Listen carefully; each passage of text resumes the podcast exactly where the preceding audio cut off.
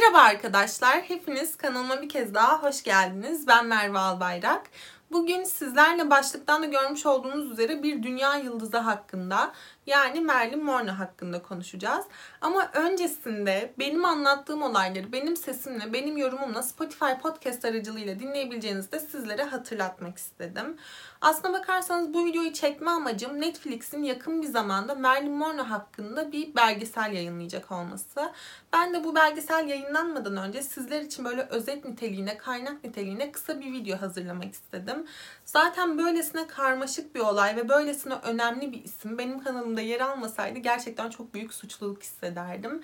Her neyse o zaman daha fazla uzatmadan bugünkü videomuza konu olan Marilyn Monroe hakkında konuşmaya başlayalım istiyorum. Marilyn Monroe 1 Haziran 1926 tarihinde Kaliforniya'da Norma Jane Mottison adıyla dünyaya geldi. Marilyn Monroe'nun babası günümüzde dahi tam olarak bilinmiyor.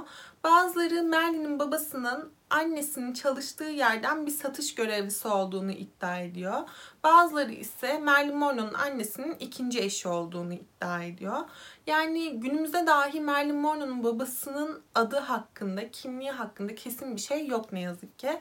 Fakat annesine gelecek olursak Marilyn'in annesi gerçekten çok sorunlu bir kadındı. Zaten videonun devamında göreceksiniz ki Merlin'in hayatındaki en etkili isim belki de annesiydi. Yani genç kızın bütün hayatını şekillendiren, bütün hayatına yön veren isim aslında Marilyn Monroe'nun annesiydi. Merlin'in annesinin daha önceki evliliğinden iki tane de çocuğu bulunuyordu. Fakat Marilyn Monroe dünyaya geldiğinde genç kadın eşi tarafından terk edildi. Ve bu durum onda gerçekten çok kötü etkilere sebep olmuştu. Yani daha yeni doğum yapmıştı. Şimdi küçük bir çocuğun bütün sorumluluğunu tek başına almak zorundaydı. Ayrıca eşine karşı da oldukça öfkeliydi. İşte bu yüzden bütün sinirini zamanla küçük çocuğundan yani Marilyn Monroe'dan çıkarmaya başladı. Yani Marilyn Monroe evde küçücük bir şey yapacak olsun annesi ona gerçekten böyle çok büyük büyük tepkiler veriyordu. Bir çocuğa gösterilmesi gerekenden çok daha büyük tepkiler veriyordu. Zaten genç kadın en nihayetinde Marilyn Monroe hala daha küçücük bir çocukken şizofreni teşhisiyle hastaneye yatırıldı ve tedavi görmeye başladı. Bu noktada tahmin edeceğiniz üzere küçük kız tamamen denetimsiz bir halde kalmıştı.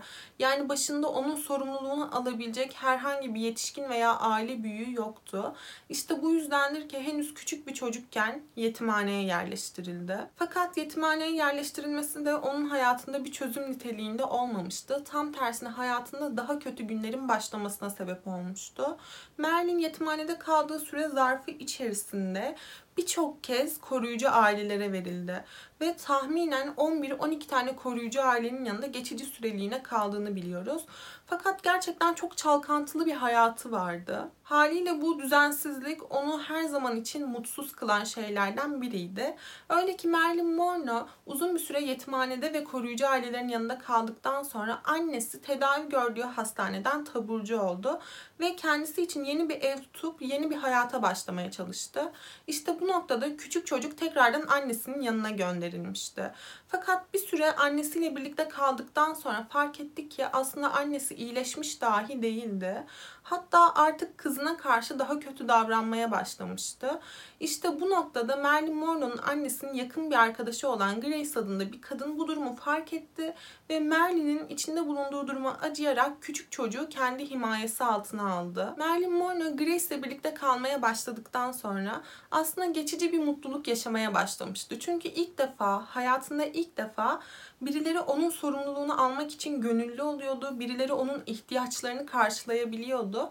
Fakat ne yazık ki bir kez daha Merlin'in mutluluğu uzun sürmedi. Çünkü Grace Merlin'le yaşamaya başladıktan kısa bir süre sonra evlilik kararı almıştı. Ve bu yüzden de Marilyn Monroe'yu tekrardan daha önce yaşamakta olduğu yetimhaneye gönderdi. Fakat Grace evlendikten yaklaşık 2 yıl kadar sonra eşine bu durumu kabul ettirmeyi bir şekilde başardı ve Marilyn Monroe'yu tekrardan yetimhaneden kendi yanına aldı. Grace'in eşinin bu durumu kabul etmesinin tabii ki de çok sinsi bir sebebi vardı. Çünkü Grace'in kocası zamanla Marilyn Monroe'ya bazı eylemlerde bulunmaya başladı. Grace buna hiçbir zaman birebir bir şekilde şahit olmamıştı ama tabii ki de bir kadın olarak kocasının küçük kıza karşı olan hareketlerinden işkilleniyordu ve bu yüzden belki evliliğini kurtarmak için, belki de Merlin'in bütün bunlara daha fazla maruz kalmaması için Marilyn Monroe'yu halasının yanına gönderdi. Fakat küçük kız halasının yanına gittiğinde bu sefer de erkek kuzenleriyle başı derde girmişti. Halasının iki tane büyük oğlu vardı ve bu oğlanlar da çoğu zaman Merlin'e bazı zorbalıklar yapıyordu anlayacağınız üzere. Yani Merlin kuzenleri yüzünden halasının yanında da çok uzun soluklu bir şekilde kalamamıştı. İşte bu yüzden bir sonraki durağı da büyük halasının yanı oldu. Ama bu kadın da yani yaşlı bir kadındı. Zaten kendisinin bakıma ihtiyacı vardı. Ve küçük kızın ihtiyaçlarını karşılayamıyordu genel olarak. İşte bütün bunlar göz önüne alındığı zaman ne yazık ki Merlin'in bir sonraki durağı bir kez daha Grace'in evi oldu. Yani bütün o kötü günleri yaşadığı eve geri dönmek zorunda kalmıştı. Tekrardan Grace'le ve Grace'in kocasıyla birlikte yaşamaya başladı. Zaten Merlin'in genel olarak hayatına baktığınız zaman sürekli oradan oraya savrulmak zorunda kalmıştı. Sürekli kendisi için güvenli bir liman arayışındaydı. İşte bu yüzden Grace'le kaldığı dönemde Grace'in bir komşusunun oğlu olan James adında bir adamla flörtleşmeye başladı ve romantik bir ilişki yaşamaya başladılar. Çift bu romantik ilişkinin üzerinden çok da zaman geçmesine izin vermeden evlenerek hayatlarını birleştirdiler. Marilyn Monroe ilk evliliğini gerçekleştirdiğinde 16 yaşındaydı. Kocası James ise 24 yaşındaydı. Yani nihayet Marilyn hayatındaki o güvenli limanı bulmuş gibi görünüyordu. Fakat bu sefer de 2. Dünya Savaşı sebebiyle kocası James orduya katıldı ve Merlin bir kez daha tek başına ayakları üzerinde kalmak zorunda kaldı. Kendi başının çaresine bakmak zorunda kaldı. İşte bu noktada geçimini sağlayabilmek için, para kazanabilmek için bir fabrikada çalışmaya başlamıştı. Fakat bu fabrikada onu çok büyük sürprizler bekliyordu. Merlin'in çalıştığı fabrikada bir fotoğrafçı vardı ve fabrikada çalışan kadınların fotoğraflarını çekip gazetede yayınlıyordu.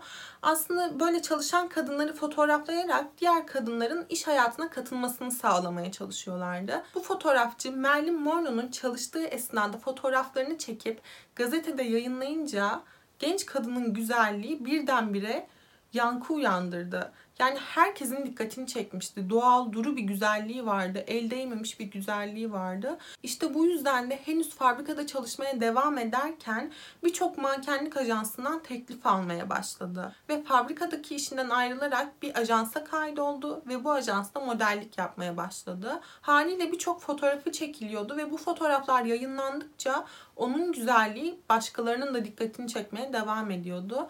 İşte bu yüzden burada modellik yapmaya başlamasının üzerinden çok da zaman geçmeden Merlin'e ülke çapında birçok yapım şirketinden birçok oyunculuk teklifi gelmeye başladı. Ve genç kadın buradaki hayatını bırakarak bu yapım şirketlerinden biriyle sözleşme imzalamak üzere Los Angeles'a taşındı. Ve aslında bu hareketi onun ışıltılı hayatına atmış olduğu ilk ve en büyük adımıydı diyebiliriz.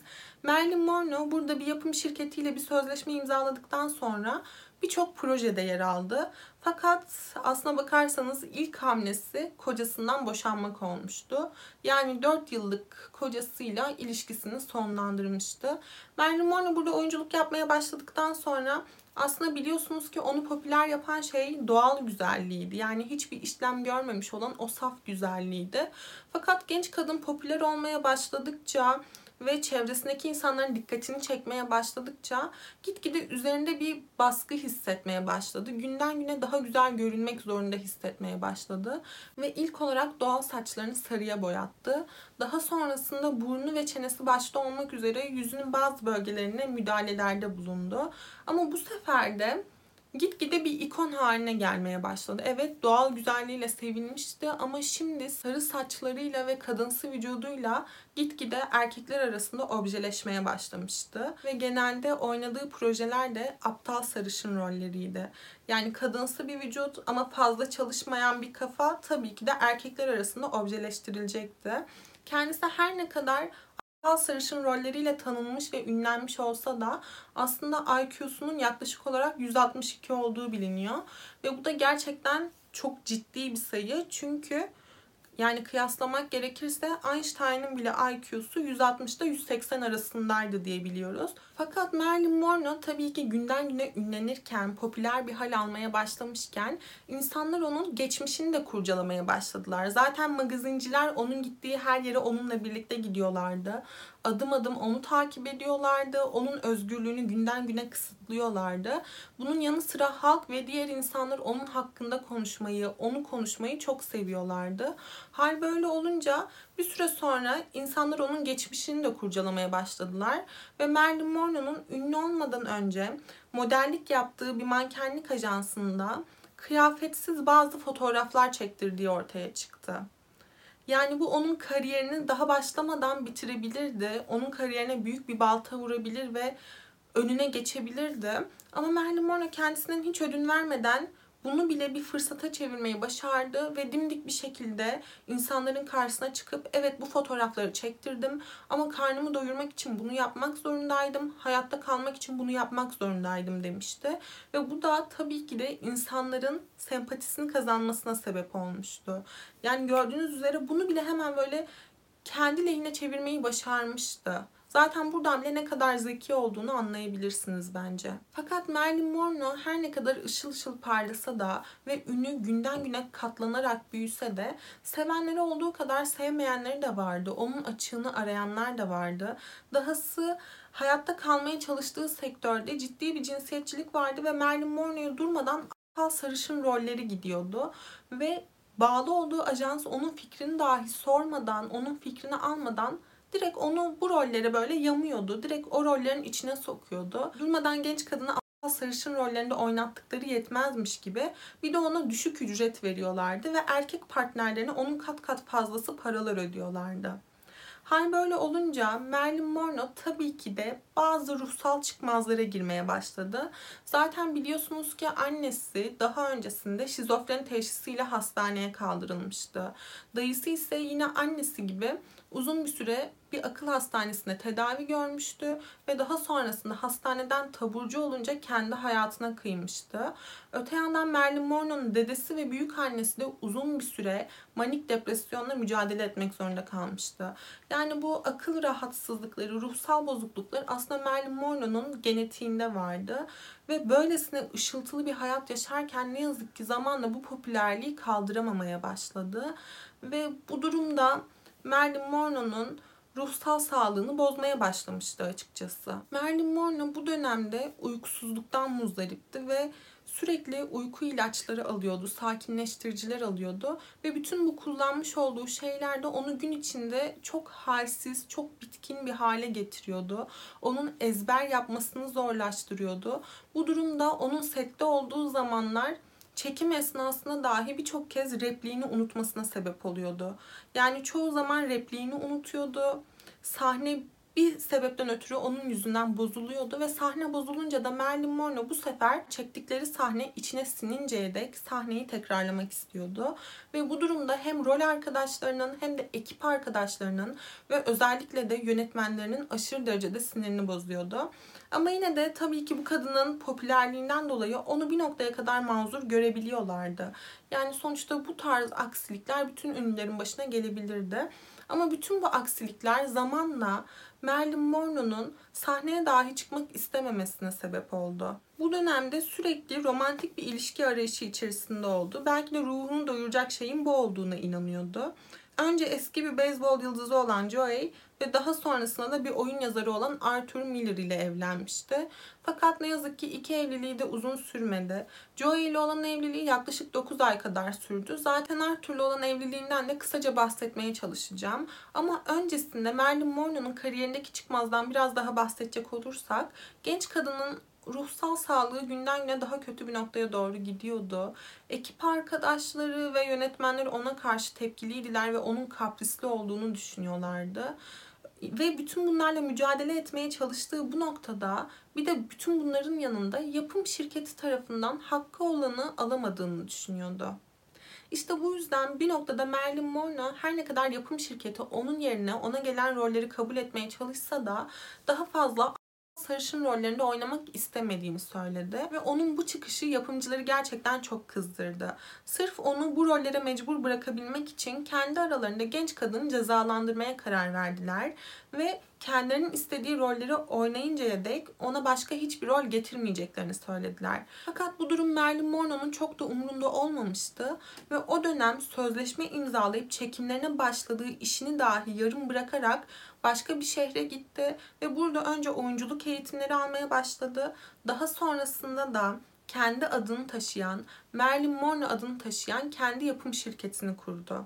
Yani aslında kendi ayakları üzerinde durmak için, hayatta kalabilmek için bu sektörde elinden geleni yapıyordu. Marilyn Monroe'nun yarım bıraktığı işe ise onun yerine başka bir kadın oyuncu ayarlanmıştı. Ama bu sefer de Marilyn Monroe'nun o dönemki partneri bu işi Marilyn Monroe ile çalışacağı için kabul ettiğini söylemişti. Yani partnerinin Marilyn Monroe olduğunu düşündüğü için bu işi kabul etmişti. Eğer onun yerine başka bir kadın oyuncu gelecek olursa kendisi de bu işi yarım bırakacaktı ve bu projeden tamamen çekilecekti. Hal böyle olunca başlamış bir projenin böylesine çöp olmaması için Marilyn Monroe'nun eski yapımcısı tekrardan genç kadınla iletişime geçti ve yarım bıraktığı işi tamamlaması için ona bir sürü şey vaat etti. Marilyn Monroe bundan sonra sadece kendi onayladığı senaryolarda oynayacaktı ve kendi belirlediği yönetmenlerle çalışacaktı. Fakat tekrardan bu projeye geri dönse de Marilyn Monroe'nun setteki kaprisleri devam etti. Ve Marilyn Monroe o dönemki eşi Arthur'dan boşanarak tedavi görmek üzere bir akıl hastanesine bir kliniğe yattı. Burada uzun bir süre tedavi gördükten sonra taburcu oldu ve ilk işi oyun yazarı olan eski eşi Arthur Miller ile iletişime geçmek olmuştu. Ve Marilyn Monroe eski eşi Arthur Miller'ın yazmış olduğu bir oyunda oynamaya başladı. Fakat hastanede uzun bir süre tedavi görmüş olmasına rağmen hareketlerinde değişen hiçbir şey olmamıştı. Yine çoğu zaman repliklerini unutuyordu, sahneleri defalarca kez tekrarlattırmaya çalışıyordu. Bazen kendisini odasına kilitliyordu, bazı günler ise hiç sete gelmiyordu. Fakat bardağı taşıran son damla çok da gecikmedi. Marilyn Monroe yine bir gün bir sebepten ötürü hasta olduğunu iddia ederek sete gitmeyi reddetti. Ve sete gitmediği gün, setin onun yüzünden aksadığı gün koşa koşa Kennedy'lerin doğum günü partisine gitti. Ve orada gayet sağlıklı bir şekilde sahneye çıkarak İyi ki doğdun şarkısını söyledi. Bu durum haliyle ekip arkadaşlarını ve birlikte çalıştığı yönetmeni aşırı derecede rahatsız etmişti.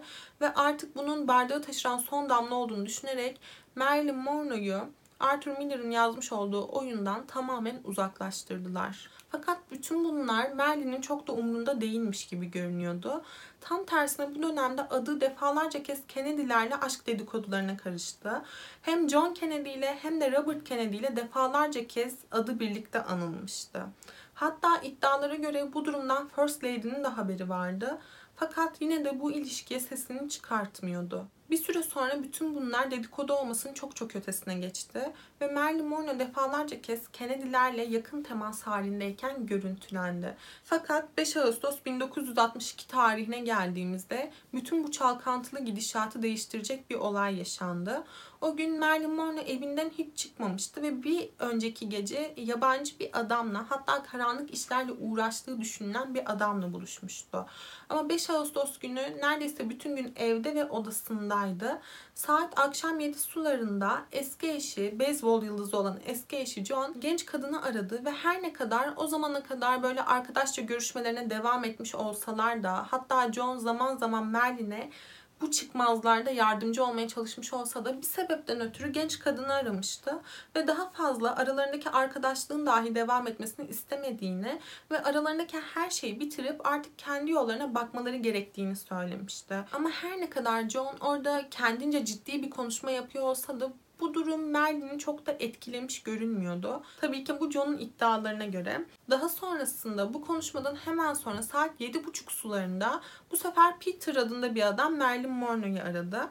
Bu adam ise Kennedy'lerle ilişkisi olan, onlarla böyle bağlantıları olan bir adamdı. Hatta onlar için çalıştığı dahi iddia ediliyor. Peter Marilyn Monroe'yu John'la konuşmasının üzerinden yaklaşık yarım saat geçmişken saat 7.30 sularında aramıştı ve onu akşam yapılacak olan bir partiye davet etmişti.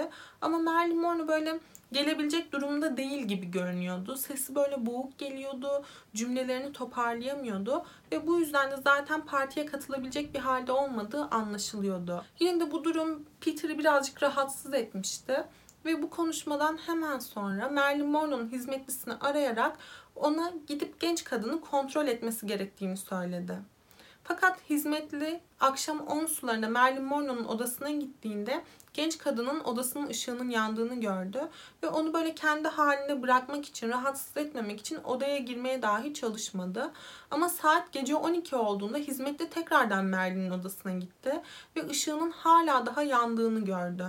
Dahası Marilyn Monroe'nun kapısı da kilitliydi ve bunun üzerine evin hizmetlisi bu durumu polise veya sağlık ekiplerine haber vermek yerine Marilyn Monroe'nun psikiyatristini aradı. Marilyn Monroe'nun psikiyatristi eve geldiğinde genç kadının kapısı hala daha kilitli bir haldeydi. İçerinin ışığı hala daha açıktı. Ama her ne kadar kapıyı zorlasalar da içeriden kimse bir ses vermiyordu. Bunun üzerine adam evden çıktı ve dışarıdan Marilyn Monroe'nun penceresinin önüne doğru dolandı ve içeriye doğru baktığında genç kadının yüzüstü bir şekilde üzerinde kıyafetleri dahi olmadan yatağında yattığını gördü. Ama sorun şuydu ki hiçbir şekilde hareket etmiyordu ve dışarıdan defalarca kez ona seslenilmiş olmasına rağmen herhangi bir tepki vermiyordu. Anlayacağınız üzere Marilyn Monroe henüz sadece 36 yaşındayken hayatını kaybetmişti. Bunun üzerine psikiyatristi yerden bir taş aldı ve Marilyn'in penceresini kırarak içeriye girdi.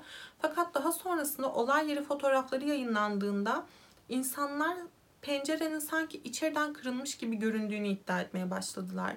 Çünkü pencere kırıklarının büyük bir kısmı odanın içerisine doğru değil dışına doğru sıçramış görünüyordu.